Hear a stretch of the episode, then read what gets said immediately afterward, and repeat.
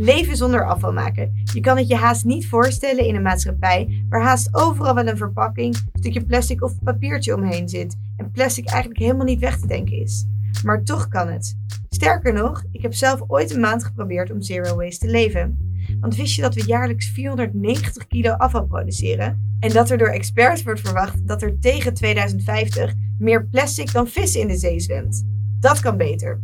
Als tegenbeweging bestaat er de Zero Waste Lifestyle, waarbij je geen, of nou ja, zo min mogelijk afval maakt.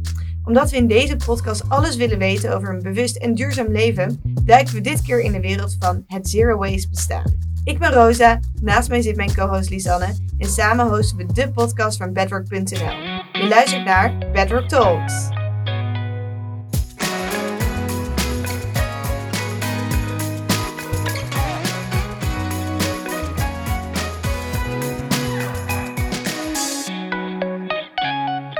Ooit werd ze geïnspireerd door de Zero Waste Bijbel van Bea Johnson om te starten met een Zero Waste lifestyle.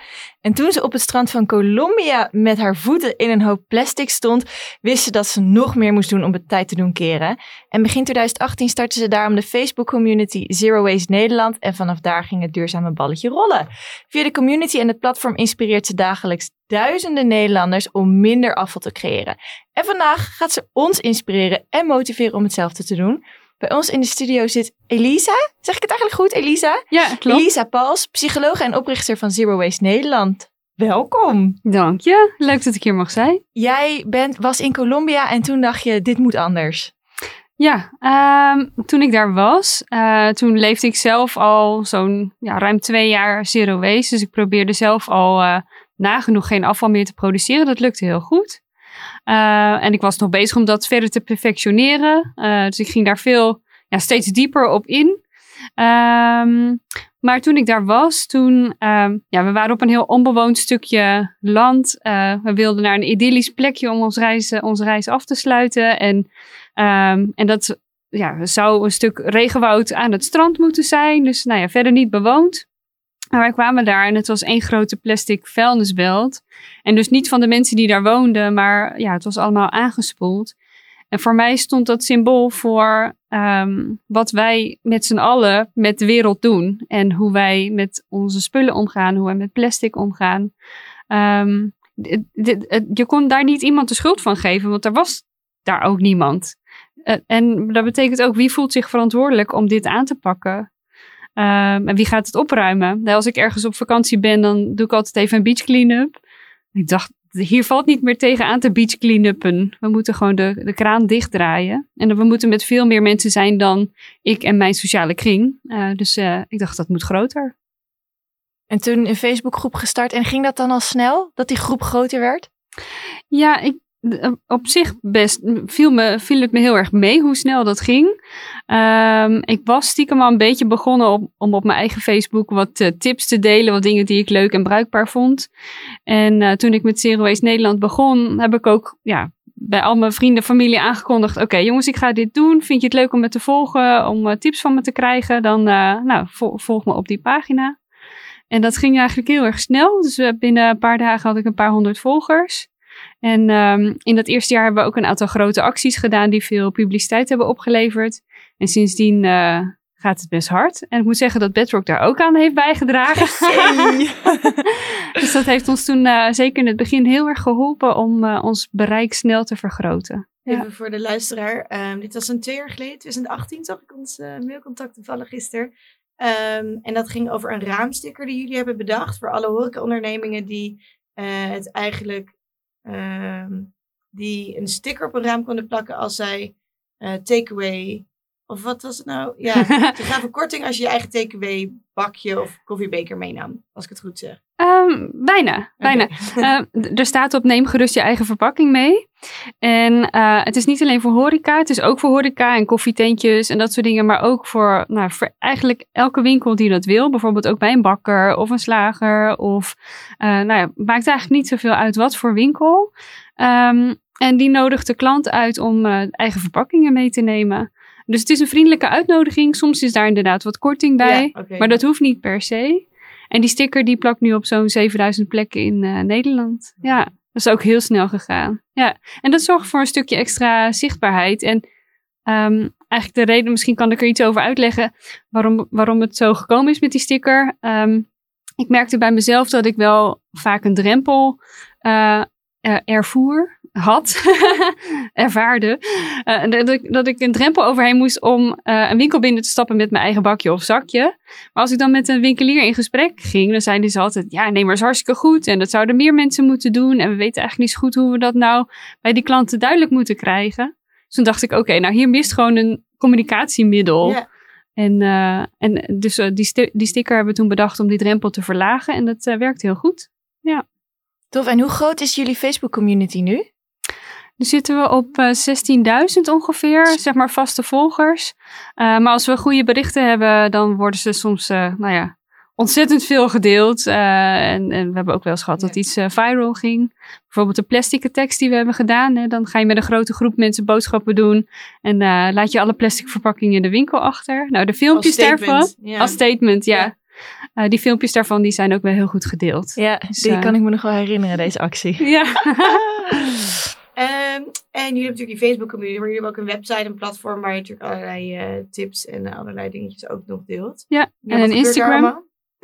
Ja, um, dus ik deel uh, eigenlijk dagelijks uh, op, op alle social media kanalen die we hebben, um, delen we tips, inspiratie, nieuws, evenementen, ook dingen die bijvoorbeeld met wetgeving te maken hebben. Dus nu is statiegeld op blikjes een heel actueel onderwerp. Dus al dat soort dingen delen we ja. uh, met de inslag van. Um, er zit altijd een handelingsperspectief aan. Er is altijd iets bij wat iemand zelf gelijk kan toepassen. Uh, wat gemakkelijk is om te doen, wat leuk is om te doen, wat vaak goedkoop is of juist geld kan opleveren als je dat doet. Dus uh, we proberen daar. Het is eigenlijk altijd positieve communicatie en het levert altijd iets op wat iemand uh, zelf kan ondernemen. Oh, super tof dat er gewoon één platform is waar je alles hierover kan vinden. Hey, om deze podcast te beginnen hebben wij altijd een soort mini-quiz. We noemen het zelf altijd een beetje dilemma op dinsdag spel. Dat betekent dat je heel snel drie vragen gaat stellen. Niet te veel nadenken, antwoord gewoon op intuïtie. En dan, oh god. dan kunnen we het daarna uh, er wat verder over hebben. De eerste vraag is, nooit meer plastic kopen of alleen nog vegan eten? Allebei. kiezen. um... Nee, je hoeft niet te kiezen als je echt niet wil kiezen. Ik, eh, ik wil allebei. Ja, ja. Wat is jouw duurzame voornemen voor dit jaar? Oh, dat is een open vraag. Mijn duurzame voornemen van dit jaar. Um, mm, mm, Goh. Uh, de zero waste beweging groter maken en ook kijken hoe ik dit kan doen zonder dat ik ernaast nog per se uh, allemaal andere dingen hoeft te doen om van te leven.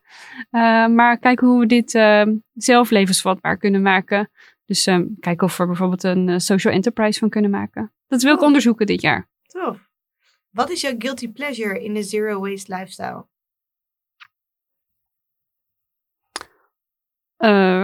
guilty pleasure. Hmm, mm, mm.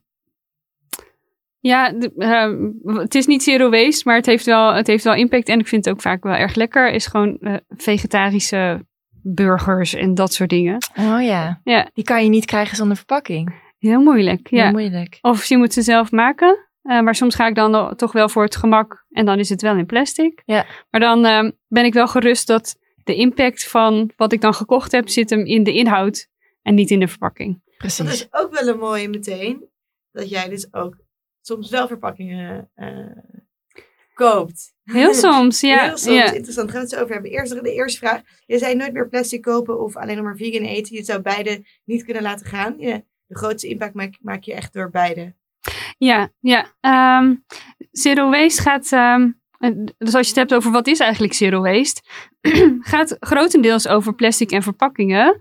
En dat is ook het, het zichtbare, hè, wat mensen in hun prullenbak hebben zitten. Sorry. Um, maar uh, heel veel van de impact is ook uh, wat er in die verpakkingen zit. Waar het vandaan komt, waar het van gemaakt is. Is het uh, plantaardig, is het dierlijk? maar ook voedselverspilling telt mee. Hoeveel eten gooien we wel niet weg? waterverspilling, energieverspilling. Dus al die dingen. Waste is niet per se te vertalen als afval, maar meer als verspilling. dus proberen niet mensen, kosten wat het kost, hun verpakkingen zonder plastic te laten kopen. Maar proberen mensen er zover te krijgen dat ze minder verspillen. Ehm, en dan is plastic daar een onderdeel van. Misschien wel een groot onderdeel. Maar het, is, het, ga- het gaat niet alleen maar om dat. Want anders dan heb je ook dat mensen zich daarop blind staren. Eh, je moet bijvoorbeeld niet hebben dat mensen de auto gaan pakken om ergens verpakkingsvrij hun boodschappen te gaan, te gaan doen. eh, terwijl ze het misschien dichterbij met verpakking zouden kopen. Omdat je dan de olie die je in je auto stopt eh, al verbrand hebt. Eh, snap je voordat, je voordat je die verpakkingen hebt eh, bespaard. Ja. Dus En dat geldt hetzelfde eigenlijk voor vlees, of eh, voor, voor dierlijke producten. Omdat Ja. de vlees- en zuivelindustrie natuurlijk een behoorlijke impact heeft op het milieu. Ja. Nu kan ik me ook voorstellen dat plastic of verpakking iets best wel tastbaars is. Men ziet wat er om een paprika heen zit die niet in het seizoen zit. Plastic of een vegaburger. Ja. Ehm, als je niet de achtergrond weet van eh, de vlees- en zuivelindustrie of kleding of spullen of olie bijvoorbeeld. ehm, dan is het misschien best wel lastig. En daarnaast snap ik ook wel dat misschien men denkt van, ja, waar stopt het dan, weet je wel? Of Ja. zeg maar, hoe, hoe ga je daarmee om? Ehm, het, het is best een groot onderwerp. Eh, plastic en plastic verpakking is, is, is klein, het is heel zichtbaar, het is, het is tastbaar. Ehm, en als je het al gaat hebben over die andere onderwerpen, dan wordt het al snel heel groot. Bijvoorbeeld, nou inderdaad, wat, wat, waar, is het materiaal, wat is het materiaal waar je kleding van gemaakt is? Ehm, dus al dat soort dingen, dan wordt het, het onderwerp wel heel groot. Maar we vinden het wel belangrijk om mensen daar wel in mee te nemen. Ehm, om, en om ze daar stapje voor stapje in mee te nemen. Dus niet alles in één keer te bespreken, maar om de acties heel klein en heel eh, tastbaar te maken. Ehm, maar ja, het is, het is belangrijk om, om de rest niet uit het oog te verliezen. Want anders dan ga je uit het oog van duurzaamheid, het oogpunt van duurzaamheid, juist misschien wel de verkeerde dingen Ja. doen. Ik kan me ook voorstellen dat het voor sommige mensen wel lastig is om de juiste keuzes soms te maken. Want Ja. inderdaad, ik kies je er dan voor om eh, toch dat, dat plastic bakje te kopen. Maar dan iets anders moet je, dan moet je wel daarheen. eh, dan ga je daarheen op de fiets. Of dan ga je inderdaad eh, verpakkingsvrije dingen kopen. Maar dan moet je er weer heen met de auto of zo. Wat, waar ligt de grens? Zeg maar, waar, waar doe je goed aan? Ja, En jij hebt er heel veel kennis van. Maar ja, Ja, misschien meeste mensen wij niet. niet. Weet je wel. Ik heb ook toen ook wel eens een eh, Zero Waste Challenge gedaan, zoals ik zei. Eh, maar het maakt het voor mij ook wel behapbaar. Oké, het is afval, ook food waste. Dat ga ik allemaal tegen. Maar toen heb ik niet nagedacht, of ook, weet ik veel, dat mijn fiets misschien een keer gemaakt moest worden, die ik dan gebruikte daarheen, bij wijze van spreken. Want Ja. uiteindelijk is het, ja. Ja. Ik snap best wel eigenlijk, ja, dat mensen misschien Zero Waste echt zien als afval. Dat is eigenlijk wat ik tot net ook dacht. ik ook. Ik, maar zero waste, het is eigenlijk voor nul verspilling. juist. Ja. En het gaat dus ook heel erg over preventie. Maar is het jouw verspilling of verspilling die anderen maken dan? Probeer Want als je een tomaat koopt, die is natuurlijk ook weer hier gekomen doordat er, ja, weet je wel? ja, Hoe- zeker. Ja. Hoe zie je dat? Ehm, dus ik probeer, dus een van de tips die we ook geven is kijk hoe je dingen zo lokaal mogelijk kunt kopen. Ik ben bijvoorbeeld heel erg fan van eh, boerenwinkels. En dus eh, landwinkels, zeg maar. Eh, of, of de markt. En voor mij was de, een van de makkelijkste switches en waar ik het grootste effect mee heb behaald, is gewoon niet meer op zaterdag naar de supermarkt om mijn weekboodschappen te doen, maar op zaterdag naar de markt. En, en daar haal ik gewoon al mijn boodschappen voor de hele week met mijn eigen tasjes en zakjes. Ook brood en koeken. ehm.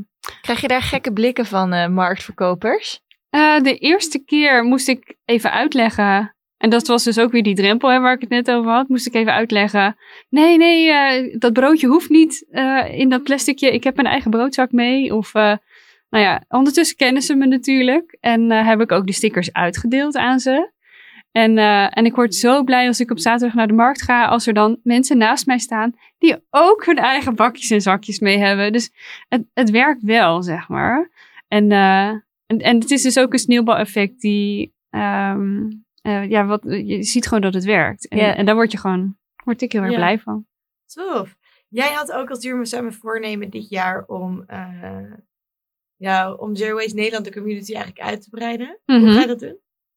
Hoe ga ik dat doen? Ehm, nou, ik ben nu ehm, ja, heel erg aan het onderzoeken hoe, ik dat, hoe ik het verder kan, eh, kan opbouwen.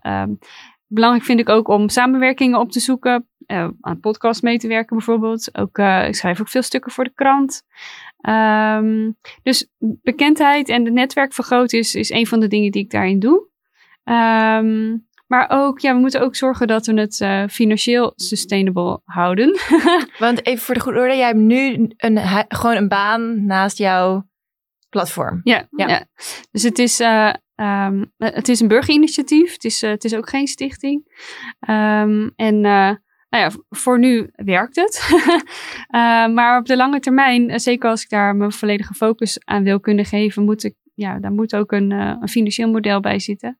Dus dat is lastig. Dus als iemand luistert en die voelt zich geroepen om mij te helpen, dan eh, bij deze de, de, Stuur de even een uitnodiging. ja. ja, heel graag. Ja, ja. ehm, en wellicht is dat wel in de vorm van ehm, eh, een- ja, bijvoorbeeld iets wat vanuit de overheid geregeld kan worden. Er zijn natuurlijk ook heel veel fondsen vanuit de verpakkingsindustrie of vanuit juist de overheid als het gaat om, eh, ja, volgens mij is dat het ministerie van Infrastructuur en Waterstaat.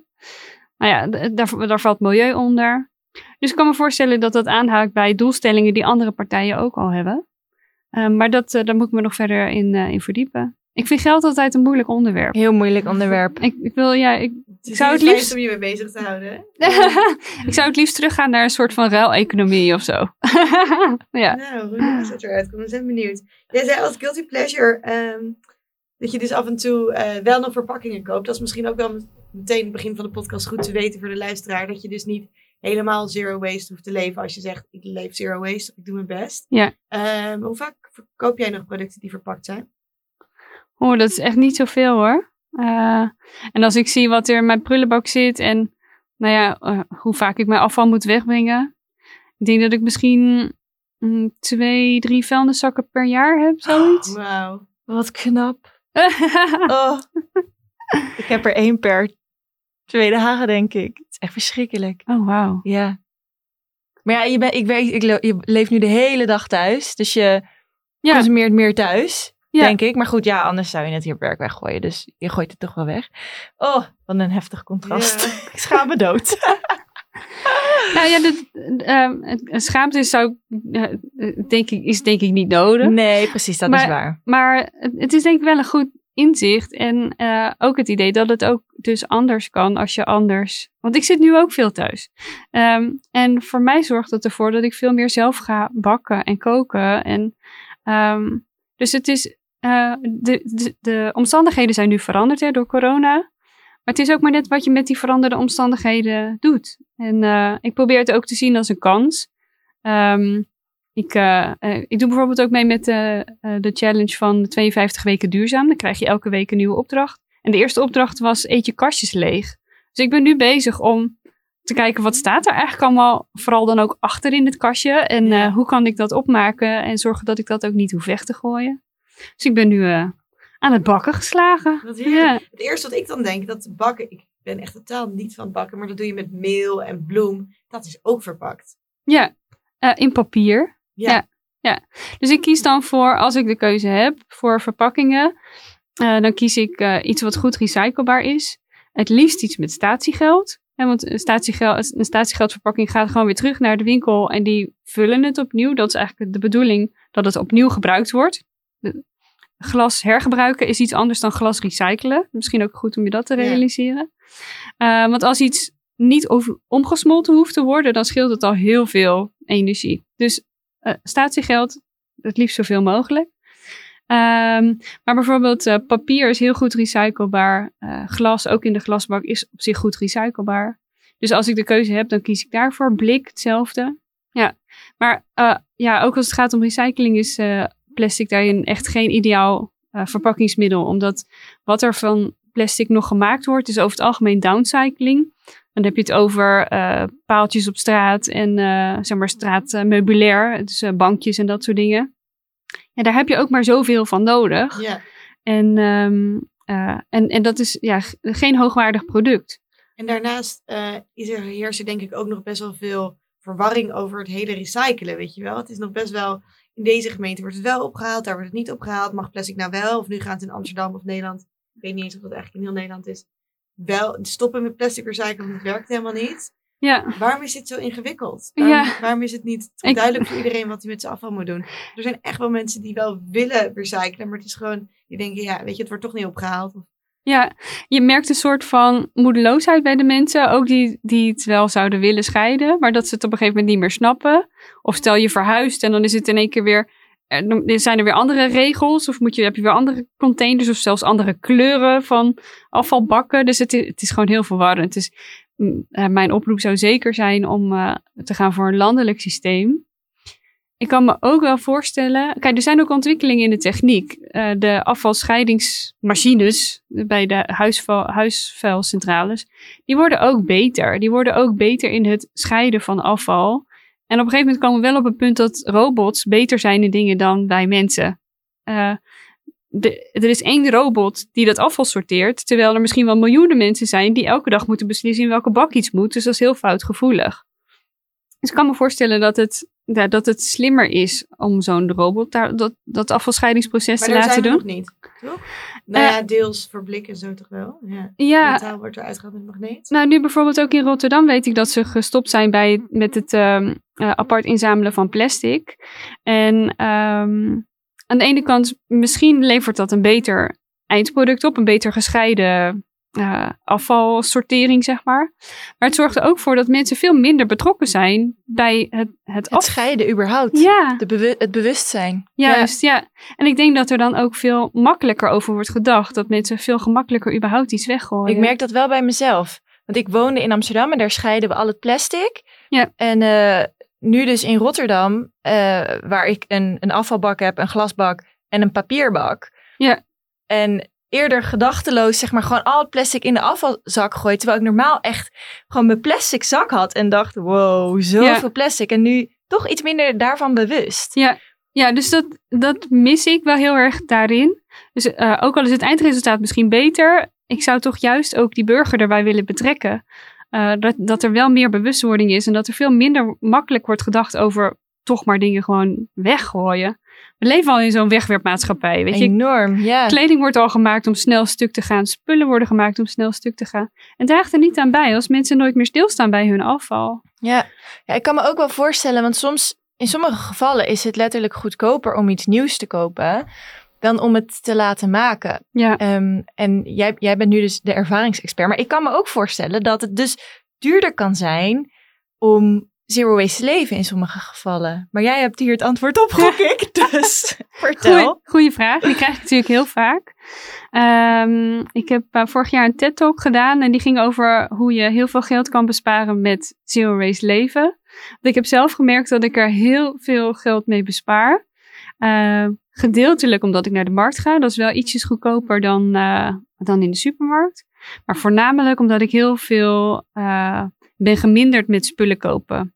Dus eh, als ik iets koop, ik probeer sowieso uh, aankopen te voor- voorkomen. Dus uh, make do with what you have. Kijk wat je al in huis hebt en, en red je daarmee. Nou, dat is eerste principe. Uh, repareer wat stuk gaat. Uh, maar vervolgens heb ik toch iets nieuws nodig of heb ik iets nodig. Dan koop ik het tweedehands. En daarmee, dat is echt zo'n money saver. Dat uh, ik, ja, ik denk dat ik nooit meer nieuwe kledingstukken ga kopen. Misschien wat ondergoed, maar de, daar blijft het wel bij.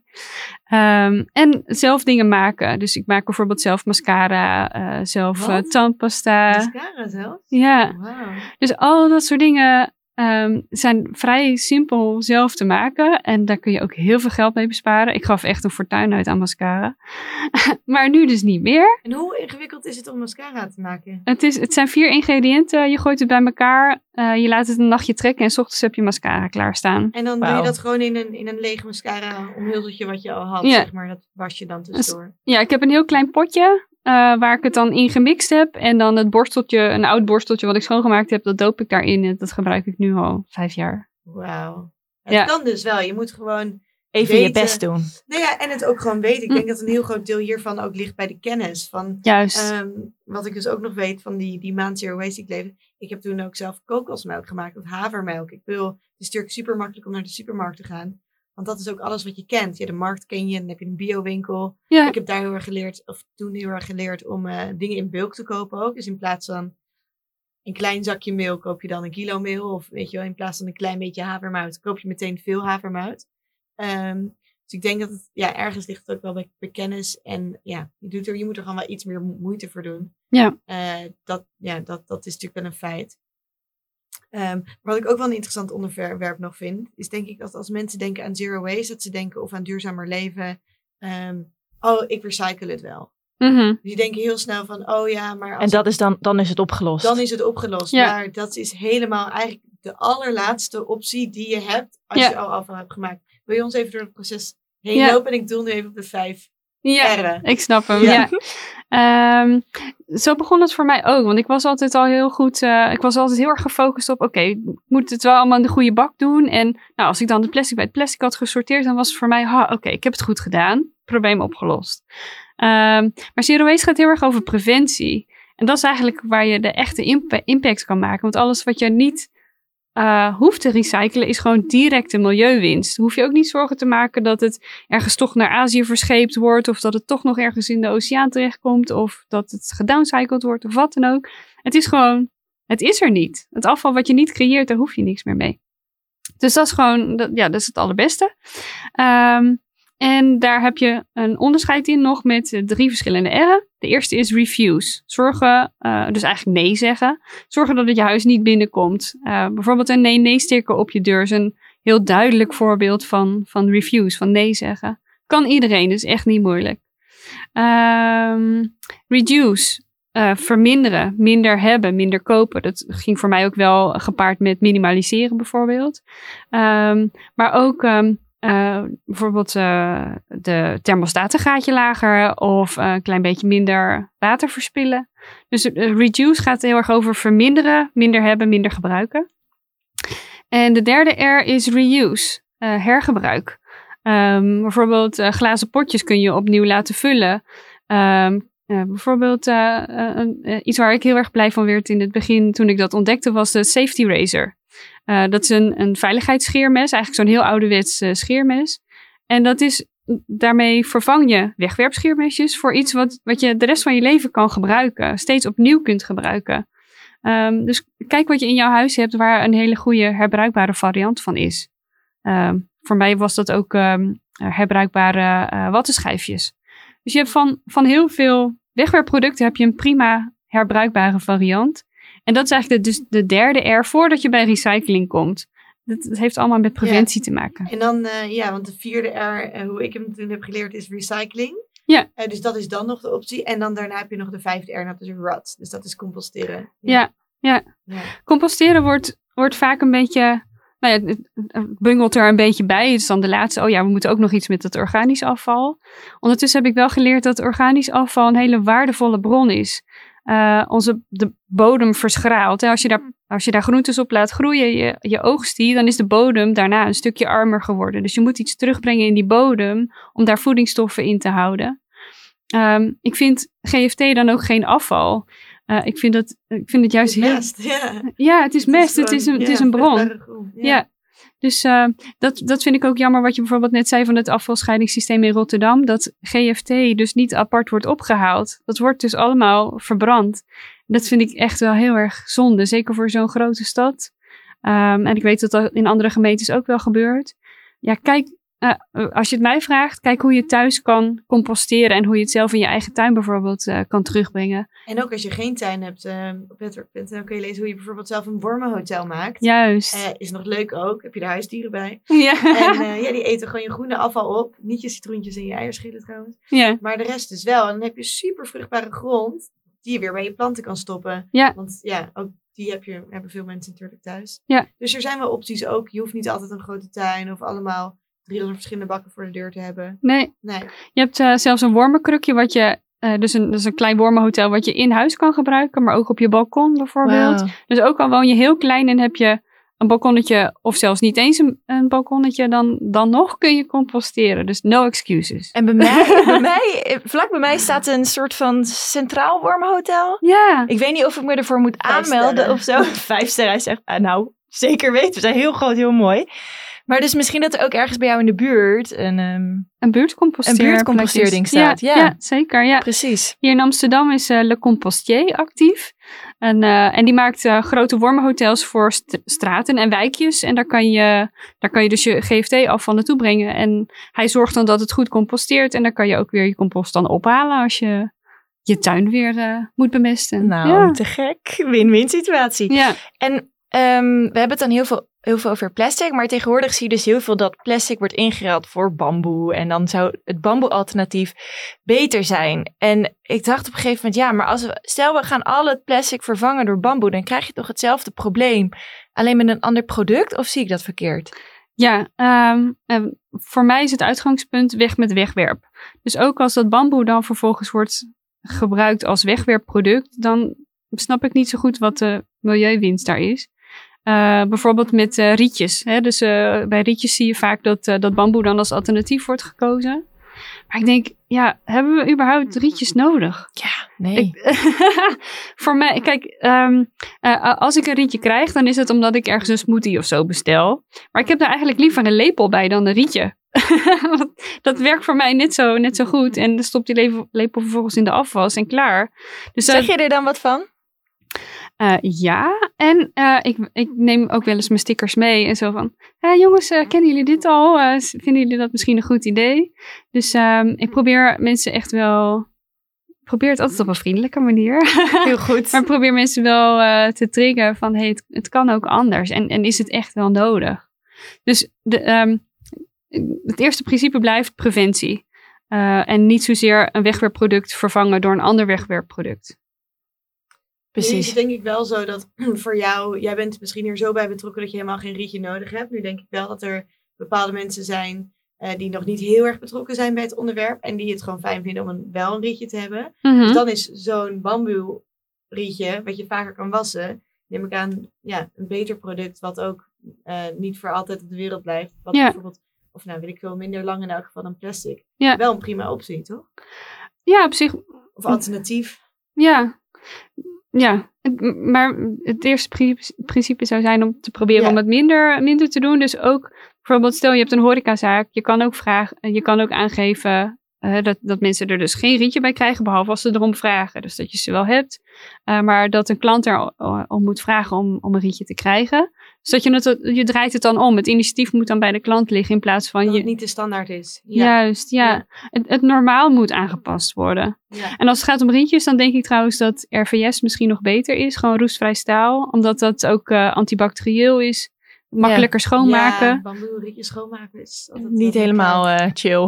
Krijg je ook zo'n schoonmaakding bij. het kan, ja, het kan, maar het, het kan makkelijker. Ja, ja, precies. Is het nodig om helemaal zonder afval te leven? Goeie vraag. Ehm, is het nodig? Ik denk dat we er wel naar zouden moeten streven. Ehm, in 2050 wil Nederland helemaal circulair zijn. En circulair, dat betekent dus dat er geen afval meer ontstaat. Ehm, ik denk dat we ook echt die kanten op moeten. We zijn met heel veel mensen. We, produceren echt enorm veel afval, bijna 500 kilo per jaar. Waar iets mee gedaan moet worden. Ehm, en omdat we zo'n, in zo'n lineair systeem leven, putten we ook de aarde uit. En, eh, en dat is ook, het is ook gewoon niet slim. Ik bedoel, in, in de natuur is alles circulair. Alles wat doodgaat is weer voeding voor iets anders. En we hebben nu een soort van systeem bedacht waarbij we per persoon 500 kilo afval produceren, waar dus wat dus niet voeding per se is voor, voor iets anders. Hoe raar is dat eigenlijk?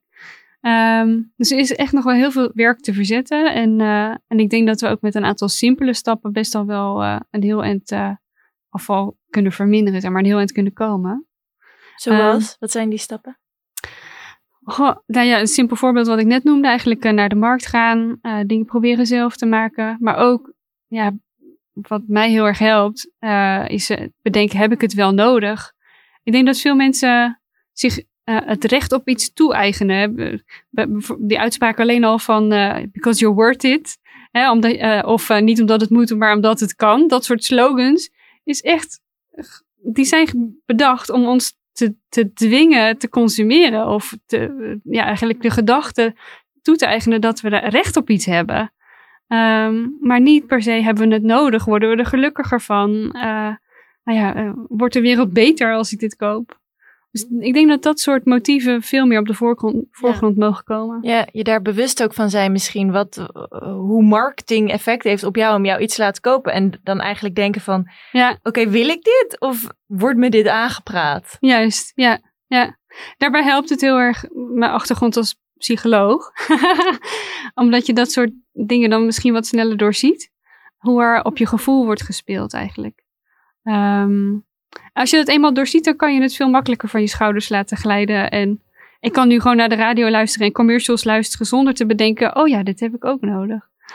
Dat had ik eerst wel, maar nu Ja, maar niet meer. dat lijkt me dus nog een hele moeilijke stap, Roos. En ik doe nu ook de no-buy challenge. En nu, Ah, goed. ja, dus een heel, na een half jaar, en we leggen trek ik door, geen kleding kopen. Ja, En eh, nu denk ik, ja, lekker, en, eh, rustig ook. Weet je wel, ik hoef er gewoon niet over na te denken, want ik koop gewoon niks. Maar ja, alles is nu dicht. En ik kan me voorstellen dat als ik straks weer door winkelstraten loop, je wordt, je wordt ook lekker gemaakt. En ja, het is, het is- die verleiding herken ik heel goed. en dus ik probeer me ook zo min mogelijk bloot te stellen aan verleiding. Eh, dus ik loop ook zo min mogelijk door de winkelstraat. Daar heb ik niet zoveel te zoeken als ik niks nieuws koop. Ehm, want inderdaad, die, ja, de, de etalages zien er gewoon prachtig uit. En je, ja, je loopt ergens langs en je bedenkt je al gauw, oh, goh, hoe zou het mij staan? Ehm, dus ja, de- eh, als je daar niet aan blootstelt, dan wordt het een stuk makkelijker. Daarom werkt zo'n nee-nee-sticker bijvoorbeeld ook goed. Hè? Dus ik kom niet in de verleiding om dingen te kopen die... Gewoon op je plakken. Nee. doe not. Op je voorhoofd, ja. Ja. Ehm, maar door, door de folders bijvoorbeeld niet aan te nemen of niet in je huis te krijgen, kom je ook veel minder in de verleiding om dingen te kopen omdat ze nou eenmaal in de reclame zijn of omdat ze Ja, in maar dat in the end of the foldertje day denk ik niet dat wij heel erg verleid worden door de producten die op de folder in onze brievenbus. En adblocker. Maar het zijn en nu ook adblocker. adblockers, maar het zijn ook vrienden of Instagram of vrienden die wat nieuws Ja. hebben, weet je wel. Dus het Ja. is ook denk ik Oh, een beetje gewoon je sociale kringen die je misschien inspireren. Ja, Ja, ja, zeker. ja, absoluut. Word jij, word jij snel verleid, Roos? Ehm, heel erg mijn fase. Ik merk nu weer in die challenge zit dat ik het in één keer super moeilijk vind. Ik koop eigenlijk eh, bijna ook nooit nieuwe kleding dan tweedehands. Ehm, maar af en toe heb ik wel even zo'n bui dat ik denk, oh ja, dan wil ik even een paar nieuwe items. Maar echt verleid, nee, ja, soms heb ik wel zoiets van, oké, ja, ik wil eigenlijk gewoon nu, wil ik veel bergschoenen of zo. En dan wil ik die gewoon hebben, Ja. omdat ik gewoon dan veel hike of wandel. Ja, En dan ben ik daar wel even mee bezig, weet je wel. Maar het-. Maar niet Ben- door, een- door, een, door een Instagrammer bij wie je iets ziet en dat je denkt, ik, ben wil dit ook. heel erg van, op die manier met eh, mode ook of zo bezig, denk ik. Dus dan heb ik Mhm. dat wat minder. Maar nou ja, soms wel, ja, je hebt gewoon van die vragen, weet je. Of van zomer denk je, oh ja, ik wil echt zo'n jurkje. En dan wil ik dat ook echt vinden, weet je wel. Dus dan Ja. heb ik dat wel. Terwijl, je hebt ook andere jurkjes. Ja. er zijn zoveel jurkjes in deze wereld. Ja. ja. ja, en ik denk, ja, hoe ik er dan zelf naar kijk, van hoe streng moet je dan ook voor jezelf zijn? Want ja, ik voel me wel soms gewoon prettiger als ik gewoon wel een leuk jurkje aan heb. Dan voel ik mezelf verzekerder, ik ben vrolijker. Ik, weet je wel, ja, ik kan wel hetzelfde jurkje van de afgelopen vijf jaar aandoen. Maar op een gegeven moment, ja, weet je, je, wil je, soms, Wil je soms, toch- soms voel je ook gewoon beter als je wel iets leuks of moois aan hebt. Waar, waar trek jij die lijn?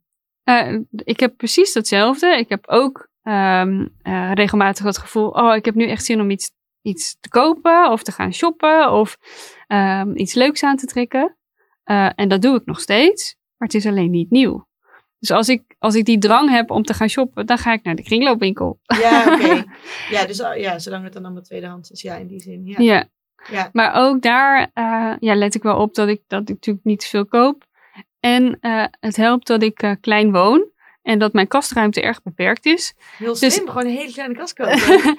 ja, dus ik, ik weet gewoon, als ik iets koop, dan moet er iets anders weg. Want, want eh, ja, eh, de past ruim- niet. anders past het niet.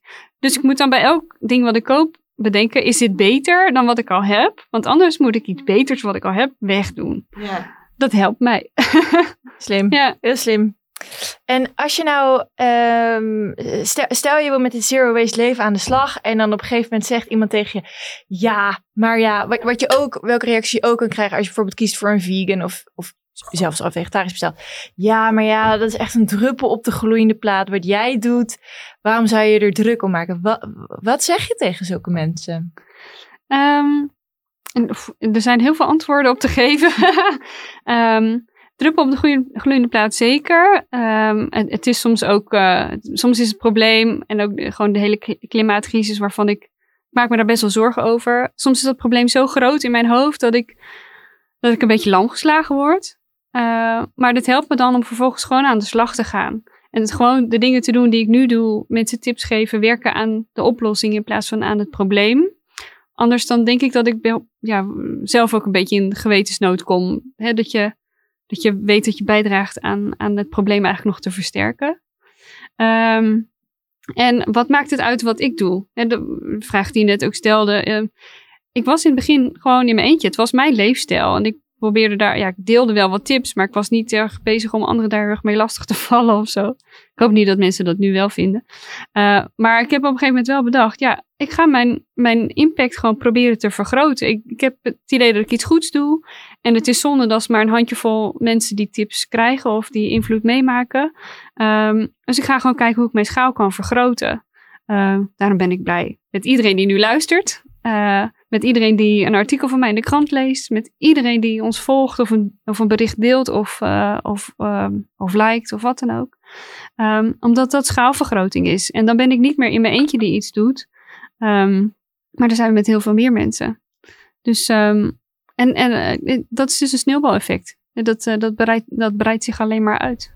Ja. Dus dat, dat zou je dan zeggen. Onderschat het sneeuwbaleffect niet. Van Juist. mijn kleine daad, wat dan wel weer Juist, iemand ja. anders kan inspireren. Ja. Maar misschien ook onderschat uh, de impact van wat jij doet uh, niet. Want daar hadden we het voor de opname even over. Welke impact maak je als je zero waste leeft? Of less waste um, welke impact maak je? Ja, het gaat dus ook heel, heel erg over uh, preventie. Dus het gaat over besparing van CO2-uitstoot bijvoorbeeld alleen al. Besparing van kilo's afval. Um, alle vervoersbewegingen trouwens ook die daarbij nodig zijn. Um, goh, wat voor impact heb je nog meer? Um, je kan ja, inspiratie ook als impact meetellen, maar ook uh, financieel. Ja, ook impact. Ja. Um, en de dingen die ik koop, uh, de, de herbruikbare dingen die ik dan wel koop, bijvoorbeeld dat scheermes wat, waar ik het net over had. En daarmee stem ik ook met mijn portemonnee. Uh, welke bank kies je? Welke zorgverzekering kies je? Ja. Al die keuzes die je hebt in je leven, die hebben, die hebben impact. Het doet me even denken aan um, oh, Shell, de, nou ja. Klimaatzaak. Nou, ja, nou ja, aan de klimaatzaak, maar dan eigenlijk het uh, toneelstuk wat erover is gemaakt. En dat heet Shell, de zaak Shell. De mm -hmm. zaak Shell. En dat werd op de correspondent uitgezonden en dat kon je kijken. En daar uh, werd het verhaal verteld eigenlijk vanuit Shell niet per se de klimaatzaak, maar gewoon het, het überhaupt het probleem. Shell vanuit de consument, vanuit ge gewoon de burger, vanuit de, de overheid. Um, en eigenlijk zei um, Shell ook van, ja jongens, wij, wij willen ook verduurzamen. Maar als jullie, als de burger ervoor kiest om nog elke dag de auto te pakken. En sterker nog, elk jaar nog steeds meer en vaker de auto te pakken dan het jaar ervoor. Ja, ik bedoel, in die end is het de business van Shell om die business te laten runnen. En mm -hmm. niet om het klimaat te rennen. En ja, ik weet niet, die, die, uh, dat toneelstuk opende echt mijn ogen van, van Shell wil ook geen kwaad doen. Iedereen wil het beste met de wereld uh, voor. Maar het is echt toch wel die stem ook die je hebt als, als burger. Als consument. Als wij ja. met z'n ja. allen besluiten om morgen niet meer te rijden. Ja, dan is de business van Shell natuurlijk ja, die heeft geen business maar meer. Maar dat is een beetje kip en ei verhaal krijg je dan natuurlijk. Of course, alles of course, ja zeker. Alles. Ja. Ja. ja. Wel interessant, waar kunnen we die... Uh, ja, hij was op de correspondent te zien. Theater, het is een toneelstuk, maar dat is dan opgenomen. Oh, maar ja. volgens mij is hij nu niet meer te zien of tegen betaling. Maar ik zal even zoeken en dan uh, zal ik het in de show notes. En wat sowieso leuk is, je kan um, dus je eigen verborgen impact uitrekenen op uh, mijnverborgenimpact.nl. Ja, um, en dan kan echt je een dus, aanrader. Ja, dus dat duurt ongeveer een kwartiertje, we wilden het net doen.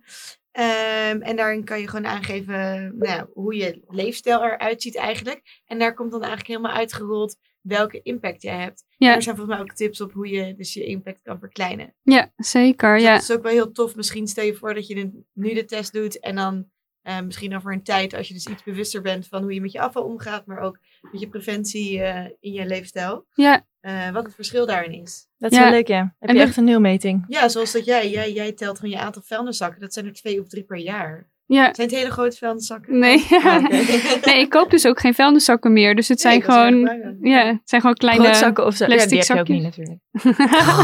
Dom. ja, dus, uh, soms komt er wat aanwaaien of krijg ik wat van mijn ouders mee. Mijn ouders hebben een groentetuin, dus die geven me wel eens wat mee. Dus nou ja, er gaat bij mij geen zakje in de prullenbak. Nee. Nee, precies. Ja. En als um, onze luisteraars nu bijvoorbeeld dus die test doen en die denken, nou ja, er komen waarschijnlijk dus wat tips uit die testrollen waar ze zouden kunnen beginnen. Ja. Maar wat zou jij mensen aanraden? Dus wat zou jij mij aanraden van nou begin daarmee? Of zo, zo kan je starten? Um, het belangrijkste denk ik is, ehm, doe wat je leuk vindt en doe wat ook makkelijk is. Dus voor mij was het, nee, wat ik net zei, een hele makkelijke swap. Ik hoefde, ik hoefde mijn routine niet te veranderen, alleen de locatie voor mijn weekboodschap. Ik ging niet meer naar de supermarkt, maar naar de markt. En dat was voor mij heel makkelijk. En het was ook leuk, omdat ik in gesprek raakte met uh, verkopers en uh, nou, wat hele leuke gesprekjes. Um, dus dat was voor mij ja, een, gemakkelijke eerste stap. Um, en vervolgens ging ik me een beetje verdiepen in die zelfmakenrecept, omdat ik dat ook heel leuk vond. En uh, was ook een trigger dat ik er veel geld mee kon besparen. Dus, um, dus kijk wat je leuk vindt. Begin, uh, begin met, uh, met wat jou het meest aanspreekt. Um, en dat kan dus ook zijn uh, bijvoorbeeld als je kinderen hebt, kijk naar alternatieven voor, voor plastic speelgoed of voor wegwerpluiers. als je veel bestelt via internet, kijk hoe je dat op een andere manier kan doen. Um, dus er zijn, er zijn best wel wat nou ja, startpunten te bedenken. maar het is belangrijk om het dicht bij jezelf te houden. En dan komt het vanzelf. Um, waar mensen zich vaak um, een beetje, waar mensen een beetje op vastlopen, is dat ze gelijk moeilijke dingen gaan bedenken. Dus, oh, maar dit kan toch ook niet? Dus, nou, dan begin je er maar niet aan. Um, uh, het, maar kies dus een makkelijk startpunt. Dat is eigenlijk de beste tip. Ja. Pick your battle. Ja. Dat is ook wel eens genoemd. Toch dat je dan kiest wat jou het meest aan het hart gaat. Of dat nou kleding is of afval. Ja. En dat, en dat uh, verandert dus na verloop van tijd. Als je ergens begint, als je een startpunt hebt gekozen, dan komt er weer iets anders op je pad. Of raak je weer geïnspireerd door iemand anders. Of dan ga je misschien juist meer met uh, voedselverspilling bezighouden. Of dan ga je juist misschien meer met uh, energie bezighouden. Dus het, het, kan zo maar weer een heleboel zijwegen nemen. En dat is ook juist leuk. En, en dat, maakt het, dat maakt het ook interessant. Wat is jouw battle, denk je, Lies, als je naar al deze onderwerpen kijkt? Ja, die vuilniszak. ik denk wel, ja, wij, wij kopen in die end best wel uh, veel uh, plastic verpakkingen. Dus daar zou ik echt wel naar kunnen kijken. En ik heb me ook wel nu in de coronatijd enorm gestort aan alle koffiecups. In zeg maar alle prullenbakken buiten lopen over van die wegwerpen ja. koffiecups. En aan het begin vergat ik heel vaak dat ding mee te nemen. En dan werd ik verwoedend op mezelf. Maar ja. tegenwoordig gaat dat in ieder geval beter. Maar um, ja, dat was dus uh, aan het begin van corona ook wel een soort struikelblok. Ja. Nou, misschien wat tips uh, voor jou, omdat je in Rotterdam woont. um, heb je Gimsel al ontdekt? Ja. Oh, ja, okay. ja, dat daar, is een heerlijke winkel, inderdaad. Daar kan je... Gimsel? Even voor de leuk. Best een dure winkel ook, vind ik. Het is een, uh, ja, een, een, soort ecoplaza, vergelijkbaar met ecoplaza. Echt een biologische ja. winkel waar je ook dus alles uit noten kan je eigen bakje meenemen en dan kan je het... Ja, je kan daar zelf tappen. Dus ze hebben zo'n bulkwand waar je dan een bakje of zakje onder kan hangen en dan uh, uh, vullen voor zover als je nodig hebt. Dus dat is, dat is eentje waar je ja, gemakkelijk zeg maar droge goederen kunt kopen. Maar in Rotterdam heb je de markten. Je kan zelfs nog kiezen. En daar hebben ze allerlei nou ja, lekkere verse ecologische of juist exotische dingen. Dus, um, dus dat, ja, dat... Exotisch, nou. Komt dan weer van ver. Toch? Precies, dat is ook weer niet ja. goed, nee. Ja. Het ligt eraan. Ja, het ligt eraan. Het ligt eraan uh, aan hoe het vervoerd is. Uh, het ligt eraan of het daar, uh, hoe het daar geteeld is. Dat, weet je niet altijd. Het is soms nee. wel heel erg moeilijk om daarachter te komen. Maar, algemeen komt het exotische producten gewoon van, van ver, toch? Dus zeggen ze als je, tenminste dat werd mij toen verteld in die challenge eet wat uh, uit het seizoen komt. Juist, ja. Ja, dat, dat heeft mij wel geholpen ook op, uh, op de markt. Is dat de seizoensproducten over het algemeen niet verpakt zijn. Dus dan word je nog, werd ik nog makkelijker uh, gestuurd richting de seizoensproducten. Ja. Dus dat helpt me dus wel. in de supermarkt trouwens ook. Alle seizoensproducten zijn niet verpakt in plastic. Ja, zijn er niet heel veel. Vijf of zo. Toen die hele challenge hetzelfde gegeten. Uh. Hetzelfde groente was heel lekker hoor, daar niet van. Maar, dat is wel eens lastig, want plastic heeft ook wel eens een nut, toch? Dat het een product langer houdbaar houdt. Ja, die vraag ook, krijg ik inderdaad ook. Ja. ja, dus die vraag krijg ik inderdaad ook vaak. Um, maar dat heeft te maken eigenlijk met wat jij net zegt. Uh, um, uh, dingen die verpakt zijn. Verpakking heeft vaak te maken met het vocht in het product vasthouden. Um, zodat het of van verder vervoerd kan worden, of zodat het langere shelf life heeft. Zodat het dus langer uh, in de supermarkt kan liggen voordat het weggegooid kan worden. Dat heet shelf life. Ja, ja. Mhm. maar dat is dus een financieel belang voor nou, de tussenpartijen en de supermarkt. Niet, heeft niet zozeer met voedselverspilling aan zich te maken. In ieder geval niet bij jou thuis. Misschien wel in de supermarkt, maar niet bij jou thuis. Ehm, ik neem altijd het voorbeeld. ehm, eh, stel je bent een eenpersoonshuishouden en je wil eh, één of twee eh, peren hebben. Eh, maar ze zijn allemaal verpakt in een bakje van zes. Dan moet jij, als je peren wil eten, een bakje van zes kopen. Of je er dan thuis drie weggooit omdat je ze niet opkrijgt. Dat gaat de supermarkt niks aan. Ze hebben ze, hebben ze jou al verkocht. Dus ehm, eh, de voedselverspilling wordt dan wel bij jou thuis gemaakt. Eh, en je hebt dan ook nog het plastic moeten kopen. Maar je hebt, dan, je hebt eigenlijk geen alternatief. Ehm, dus het, het, het is vaak, plastic is vaak ook gewoon een verdienmodel om meer aan de klant te kunnen verkopen. Want ze zeggen wel eens dat ehm, je hebt natuurlijk komkommers, die zijn dan verpakt. Maar ja, dan heb je dus wel een komkommer die langer goed blijft, omdat die anders zou verrotten in het schap. Dus dan is het altijd van, oh ja, oké, soms kan je er op die manier dus wel ook gewoon langer mee doen. Want je, ja. Nou, kom, komkommers is bijvoorbeeld dus ook juist best wel een, ehm, een seizoensproduct. Waarom, waarom willen we het hele jaar door komkommers eten? Waarom willen we het hele jaar door aardbeien kunnen eten? Eh, sommige producten zou je dus eigenlijk alleen maar beter in, in een bepaald seizoen moeten, moeten nemen. En ehm, ik kan me herinneren dat in die documentaire van David Attenborough, David Attenborough super trots was op het super duurzame Nederland. Want we waren zo goed bezig met al die kassen, ja. zodat wij met z'n allen het, het hele jaar door aardbeien kunnen eten. Mhm. Bijvoorbeeld, want dat, dat is waar die kassen dan zo goed voor zijn. Maar goed, in die end produceren die kassen natuurlijk ook heel veel. Nou, ten eerste licht, lucht, lichtvervuiling, ja. maar ten tweede ook heel veel warmte om die aardbeien te laten groeien. Ja. Hoe kijk jij daar dan tegenaan? Ja, ik denk dat ook op de correspondent daarna een artikel is verschenen eh, hè, van een mooie documentaire van David Attenborough. Maar zo goed is dat Nederlandse kassensysteem nou Ook ook, weer weer, niet. niet. nee, dus daar is inderdaad ook wel een heel kritisch artikel eh, over verschenen. Ja. Dus ehm, ja, eh, als ik echt mag kiezen, kies ik toch gewoon het liefste aardbeidjes uit de tuin van mijn vader. Ja, die zijn sowieso het toch? lekkerst. Eh, producten, ja, heb je ook met tomaten. Ja, dat, is, dat ja, proef je toch als die niet eh, gewoon uit het seizoen komen. Ja. Goed, biologisch verbouwd. Ja, je merkt het ook inderdaad aan de smaak. Dat is- verschilt heel erg. Dus gewoon bij deze de tip, koop dingen niet verpakt. Dan proeven ze ook nog eens lekkerder. Eet uit het seizoen. Ja, Dat is eigenlijk jouw Oh. boodschap. misschien nog iets waar we het niet over hebben gehad. Dat is een heel onderwerp aan zich. Ehm, plastic is gemaakt van chemische, en heeft een chemische samenstelling. En die, eh, daar, daar kunnen chemicaliën lekker, lekken in het product wat erin verpakt is. En met name als het ook nog eens warm is. Dus eh, bijvoorbeeld een Chinees bakje met warm eten erin. En zeker als je het ook nog in de magnetron doet. Dat lekt chemicaliën in het eten wat erin zit. Zijn dat dan microplastics?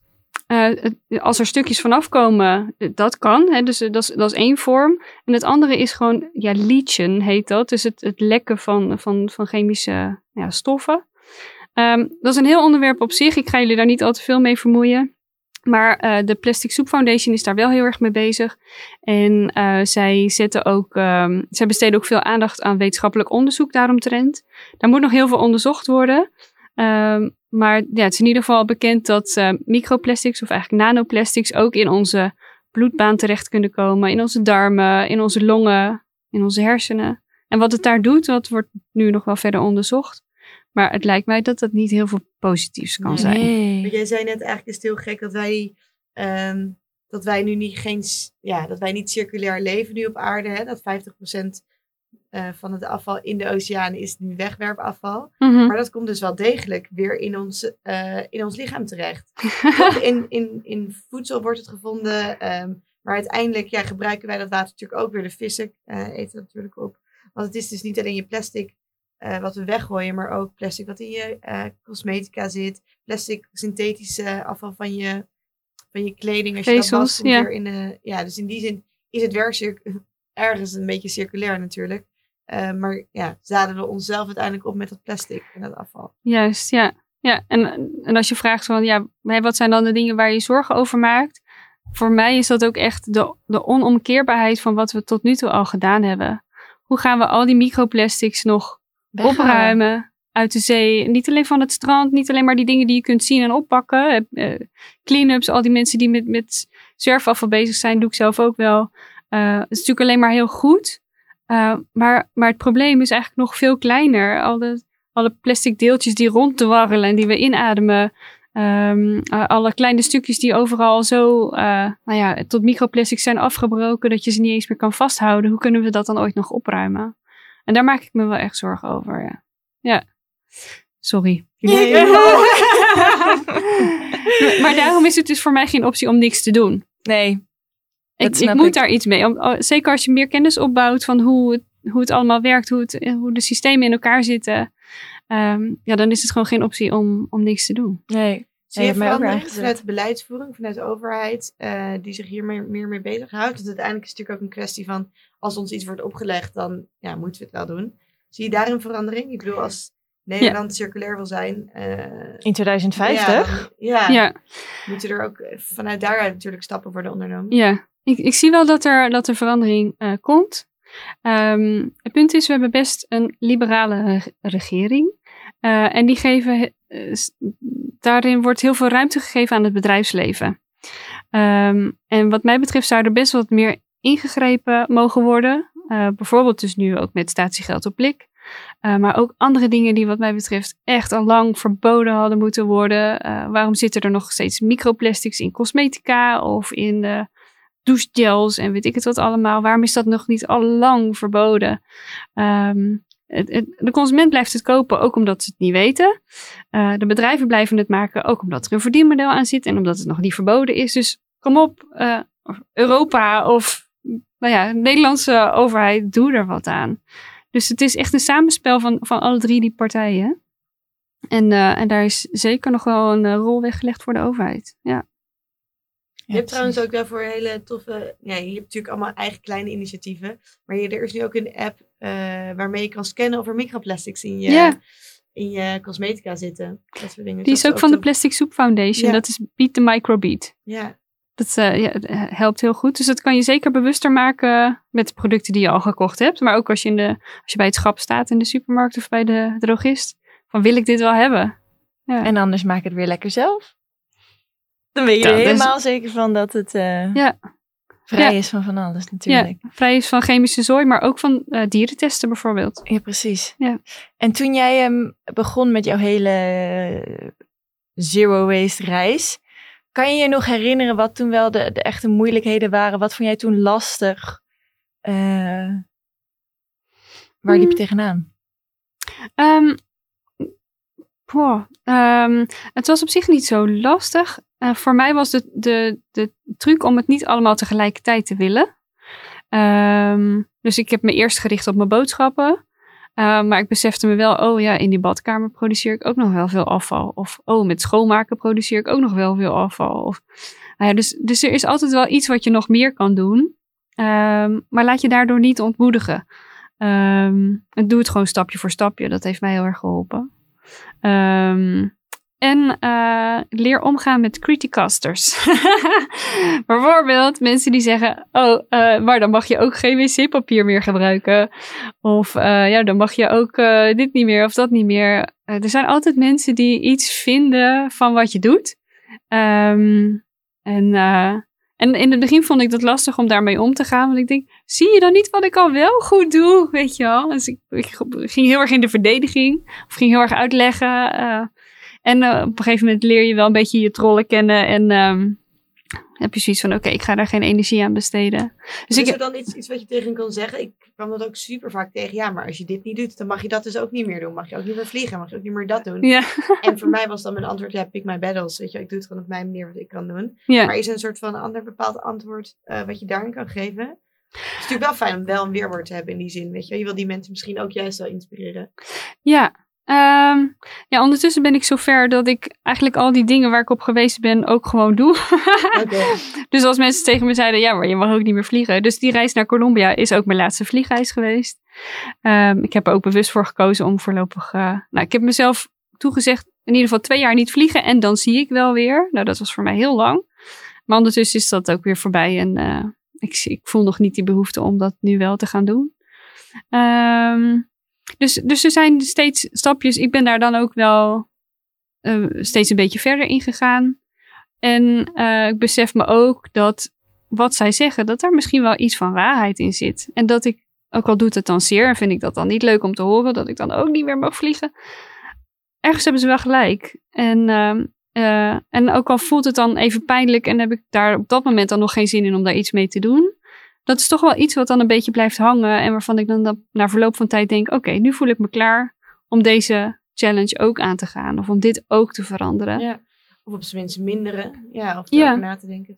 En hoe, hoe kijk je dan ernaar, of hoe voel je je misschien wel als je dan ziet dat er nog heel veel mensen zijn die niet dit bewustzijn hebben of daar zich er niet mee bezighouden of wel dan ineens weer opstijgen en dat je denkt, ja maar ik doe zo mijn best, ik doe dit allemaal niet meer.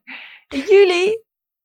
Ehm, ik, doe het, ehm, ik doe het in eerste instantie voor mezelf. Zodat eh, ik mezelf recht kan aankijken. Ehm, en, eh, en ik besef me ook dat een ieder zijn eigen autonomie heeft. Ieder bepaalt over zijn eigen leven. En het beste wat ik kan doen is proberen anderen te inspireren. Maar ik kan ze niet overtuigen. Ik kan ze niet over die streep trekken. Want dan gaan mensen, als ik ga trekken, gaan mensen met hun hakken in het zand. Ehm, en dan ga, krijg ik alleen maar tegenbeweging. Eh, of dan krijg ik alleen maar, oh, maar dan mag, je mag ook niks meer. Of eh, het leven mag eh, niet eens meer leuk zijn. Dat wil ik niet zijn. Ik wil, ehm, ik beschrijf het wel eens van, ik wil ergens dat feestje zijn wat je hoort op een afstand van, oh, dat klinkt interessant, daar wil ik eigenlijk ook wel bij horen. Daar wil ik ook wel naartoe. Ehm, en dat mensen uit eigen beweging die kant op gaan. Mooi. En, en, en dat wil ik zijn. Ja. En niet dat wijzende vingertje. Nee, mooi. Mooi doel. Klinkt heel fancy zo. je hebt op mij in ieder geval wel wat... eh, weer, weer een zaadje geplant. Bij mij is het heel, heel vaak... Het, ik leef al redelijk, doe mijn best. Maar als ik mezelf dan vergelijk met jou... dan denk ik, nou, er zijn nog heel veel stappen die ik kan maken. En dat is ook oké, uiteraard. Maar nu denk ik wel van ja... Je moet weer even aan gaan staan. En weer een volgende stap zetten. Ja, nou, de- het moet niet. Maar kijk of je het leuk vindt. Ja, precies. Nee, je wilt het ook voor de juiste redenen natuurlijk doen. En misschien denk ik ook wel om het wat behapbaarder te maken. Gewoon, ehm, inderdaad, wat jij zei, dat je niet alles tegelijkertijd moet willen. En tot in een extreme, als je voor jou doen al wat minder vaak takeaway bekertjes gebruikt, is dat al heel veel gewonnen. Ja. Step by step. Ja. Top. Hey, en op eh, jouw website kunnen we alle tips vinden. Eh, ja, in ieder geval veel tips. Ehm, maar ik kan het met de website eigenlijk niet echt bijhouden wat ik op de social media allemaal deel. en met name dan de stories gaat soms wel heel erg snel. Hè, dat je ergens een foto van maakt of even een quizje erop zet. Of, dus daar, daar, ja, dat is gewoon bijna aan de lopende band. Er is ook gewoon heel veel om te delen. Er gebeuren ook zoveel toffe, leuke dingen. Of eh, dan opent er ergens een, een, eh, een toffe winkel waar je ook wat aandacht aan wil besteden. Of nou ja, noem maar wat. Of iets circulairs wat gemaakt wordt. Dus er, er gebeuren zoveel goede dingen dat er altijd wel iets is om te delen. En dat is op Zero Waste Nederland. Er, ja, at zerowastenederland.nl op Instagram. En eh, eh, op onze website schrijf ik dan de wat langere blogs. Dus om wat dieper op een onderwerp in te gaan. Of wat meer tips bij elkaar te verzamelen over één onderwerp. En daar leent eh, social media zich er wat minder voor. En op Facebook natuurlijk. Ja. Leuk. We hadden nog een hele leuke luisteraarstip van Felicia. Zij zegt er is een webshop, dat heet Plastic Free Amsterdam. Eh, en dat is ook een hele fijne start voor plastic vrij leven. Want dat is natuurlijk ook makkelijk als je naar een winkel gaat waar je gewoon geen eh, ja, plastic verpakkingen hebt Ja. überhaupt. Je hebt geloof ik ook Pieter Pot, toch? Dat is Ja. Ja, oh goed dat, je het noemt. ook als een ja. tiet. Ja. Ja. Eh, Pieter Pot is ook, eh, ja, zij hebben als missie om, eh, eh, om Nederland te helpen richting afvalvrij te gaan, maar op een makkelijke manier. En zoals heel veel mensen nu al hun boodschappen bestellen, nou daar zit dan vaak heel veel verpakkingsmateriaal omheen. En hun verpakkingen zijn allemaal statiegeld. Dus je, je levert gewoon ja, je verpakkingen weer terug in en je hebt nul afval. Sterker nog, hoe fijn is dat? toch? Ze komen het halen Ja, brengen, ja. Dus hoe makkelijk wil je het hebben? Alleen ja. een gigantische wachtrij. Ja. Voordat je wordt toegelaten. Ik was natuurlijk. Stond, ik stond vooraan. Ja, ik was te laat, helaas. maar misschien ken je iemand eh, in je buurt of heb je een vriend, vriendin die al, eh, die al bestelt daar. Dan kan je meebestellen. Juist. Slim. Ja, tip. Als je lang moet wachten, dan eh, sluit bij iemand anders aan. En- system. Goeie. ja. Oké, nou, heb jij nog een tip, Roos, voor jouw maand? Ehm, ja, ik vond het Wormhotel zo leuk om te maken. Ik heb ze nog steeds. Oh, wat Ja, maar dat vond ik heel leuk. Om een, dat is zoiets. ehm, maar goed, dat had ik al eerder genoemd. Het Wormhotel zelf maken. Ik kan hem ook kopen trouwens. Maar vond ik best wel duur. Soms, ja, toch. Ja, sommige wormhotellen zijn echt wel 100 euro. Dus ik had gewoon een paar plastic bakken gekocht. Gaatjes ingeboord. aarde gekocht. Speciale compostwormen bestel je. Ja. komen dan in zo'n zakje met aarde aan. Zo schatten. Dan komen daar, eh, dus, dus ja, dat vond ik wel echt heel leuk. En ehm, nog een tip. Nou, voor mij denk ik wel echt pick your battles. Ik merk nu wel dat het een beetje is afgezwakt. Dus ik merk nu wel weer van, oh ja, weet je wel, ik was best wel goed bezig. Ehm, en maak het jezelf makkelijk. Schaf dus één keer, dat was ook een tip ehm, waar we toen veel over schreven. Schaf inderdaad één keer een goede waterfles aan. Of een bring, Ja. yourself, bring your own eh koffiebeker. Een paar fijne bakjes. Eh, inderdaad, die, kon, ja, die, die koop je dan dus, maar dan heb je ze wel. Weet je wel, leg dat. Ja. En heb gewoon zo'n zo'n zero waste zakje mee. Of een ja, katoenen zakje. Heb het altijd gewoon bij de hand. Dan maak je het jezelf gewoon makkelijker. Ja. Dat is het. Dan zit je zelf wat minder moeilijk in, eh, in een lastige situatie. Ja. Dus eh, voorbereiding is het halve werk. Met dit soort dingen, denk ik. Ja. Ja, dat super tof. Nou, dat lijkt me weer een heel mooi einde van deze inspirerende podcastaflevering. Dankjewel voor je inspiratie, Elisa. Jullie bedankt. Super fijn. Ja, je hebt ons in elk geval weer al meegenomen en hopelijk de luisteraars ook. Ehm, als onze luisteraars nog vragen voor jou hebben of die, eh, die willen nog meer tips weten, waar kunnen ze jou vinden? Eh, het, het- overal. ik reageer overal op. Eh, dus ehm, mailtje mag naar info.zerowastenederland.nl. Eh ze kunnen me op LinkedIn vinden, maar ook gewoon de, de DM's op Instagram of op Facebook, daar reageer ik ook op. En dat is Instagram, of dat is Zero Waste Nederland. Ja, dat is op Ja. Facebook en op Instagram. Top. Ja, en als je dan nog vragen hebt voor ons, of je wil iets kwijt, of je wilt je ervaringen over jouw Zero Waste leven met ons delen, kan ook. Mail ons dan op info.bedrock.nl of stuur ons een DM op Bedrock Magazine via Insta. Ehm, en check dus even bedrock.nl, want Roos heeft in haar maand Zero Waste leven ook echt heel veel tips gegeven. Dus die kan je ook altijd nog even terugvinden. En dan eh, bedanken we je weer voor het luisteren en tot de volgende keer.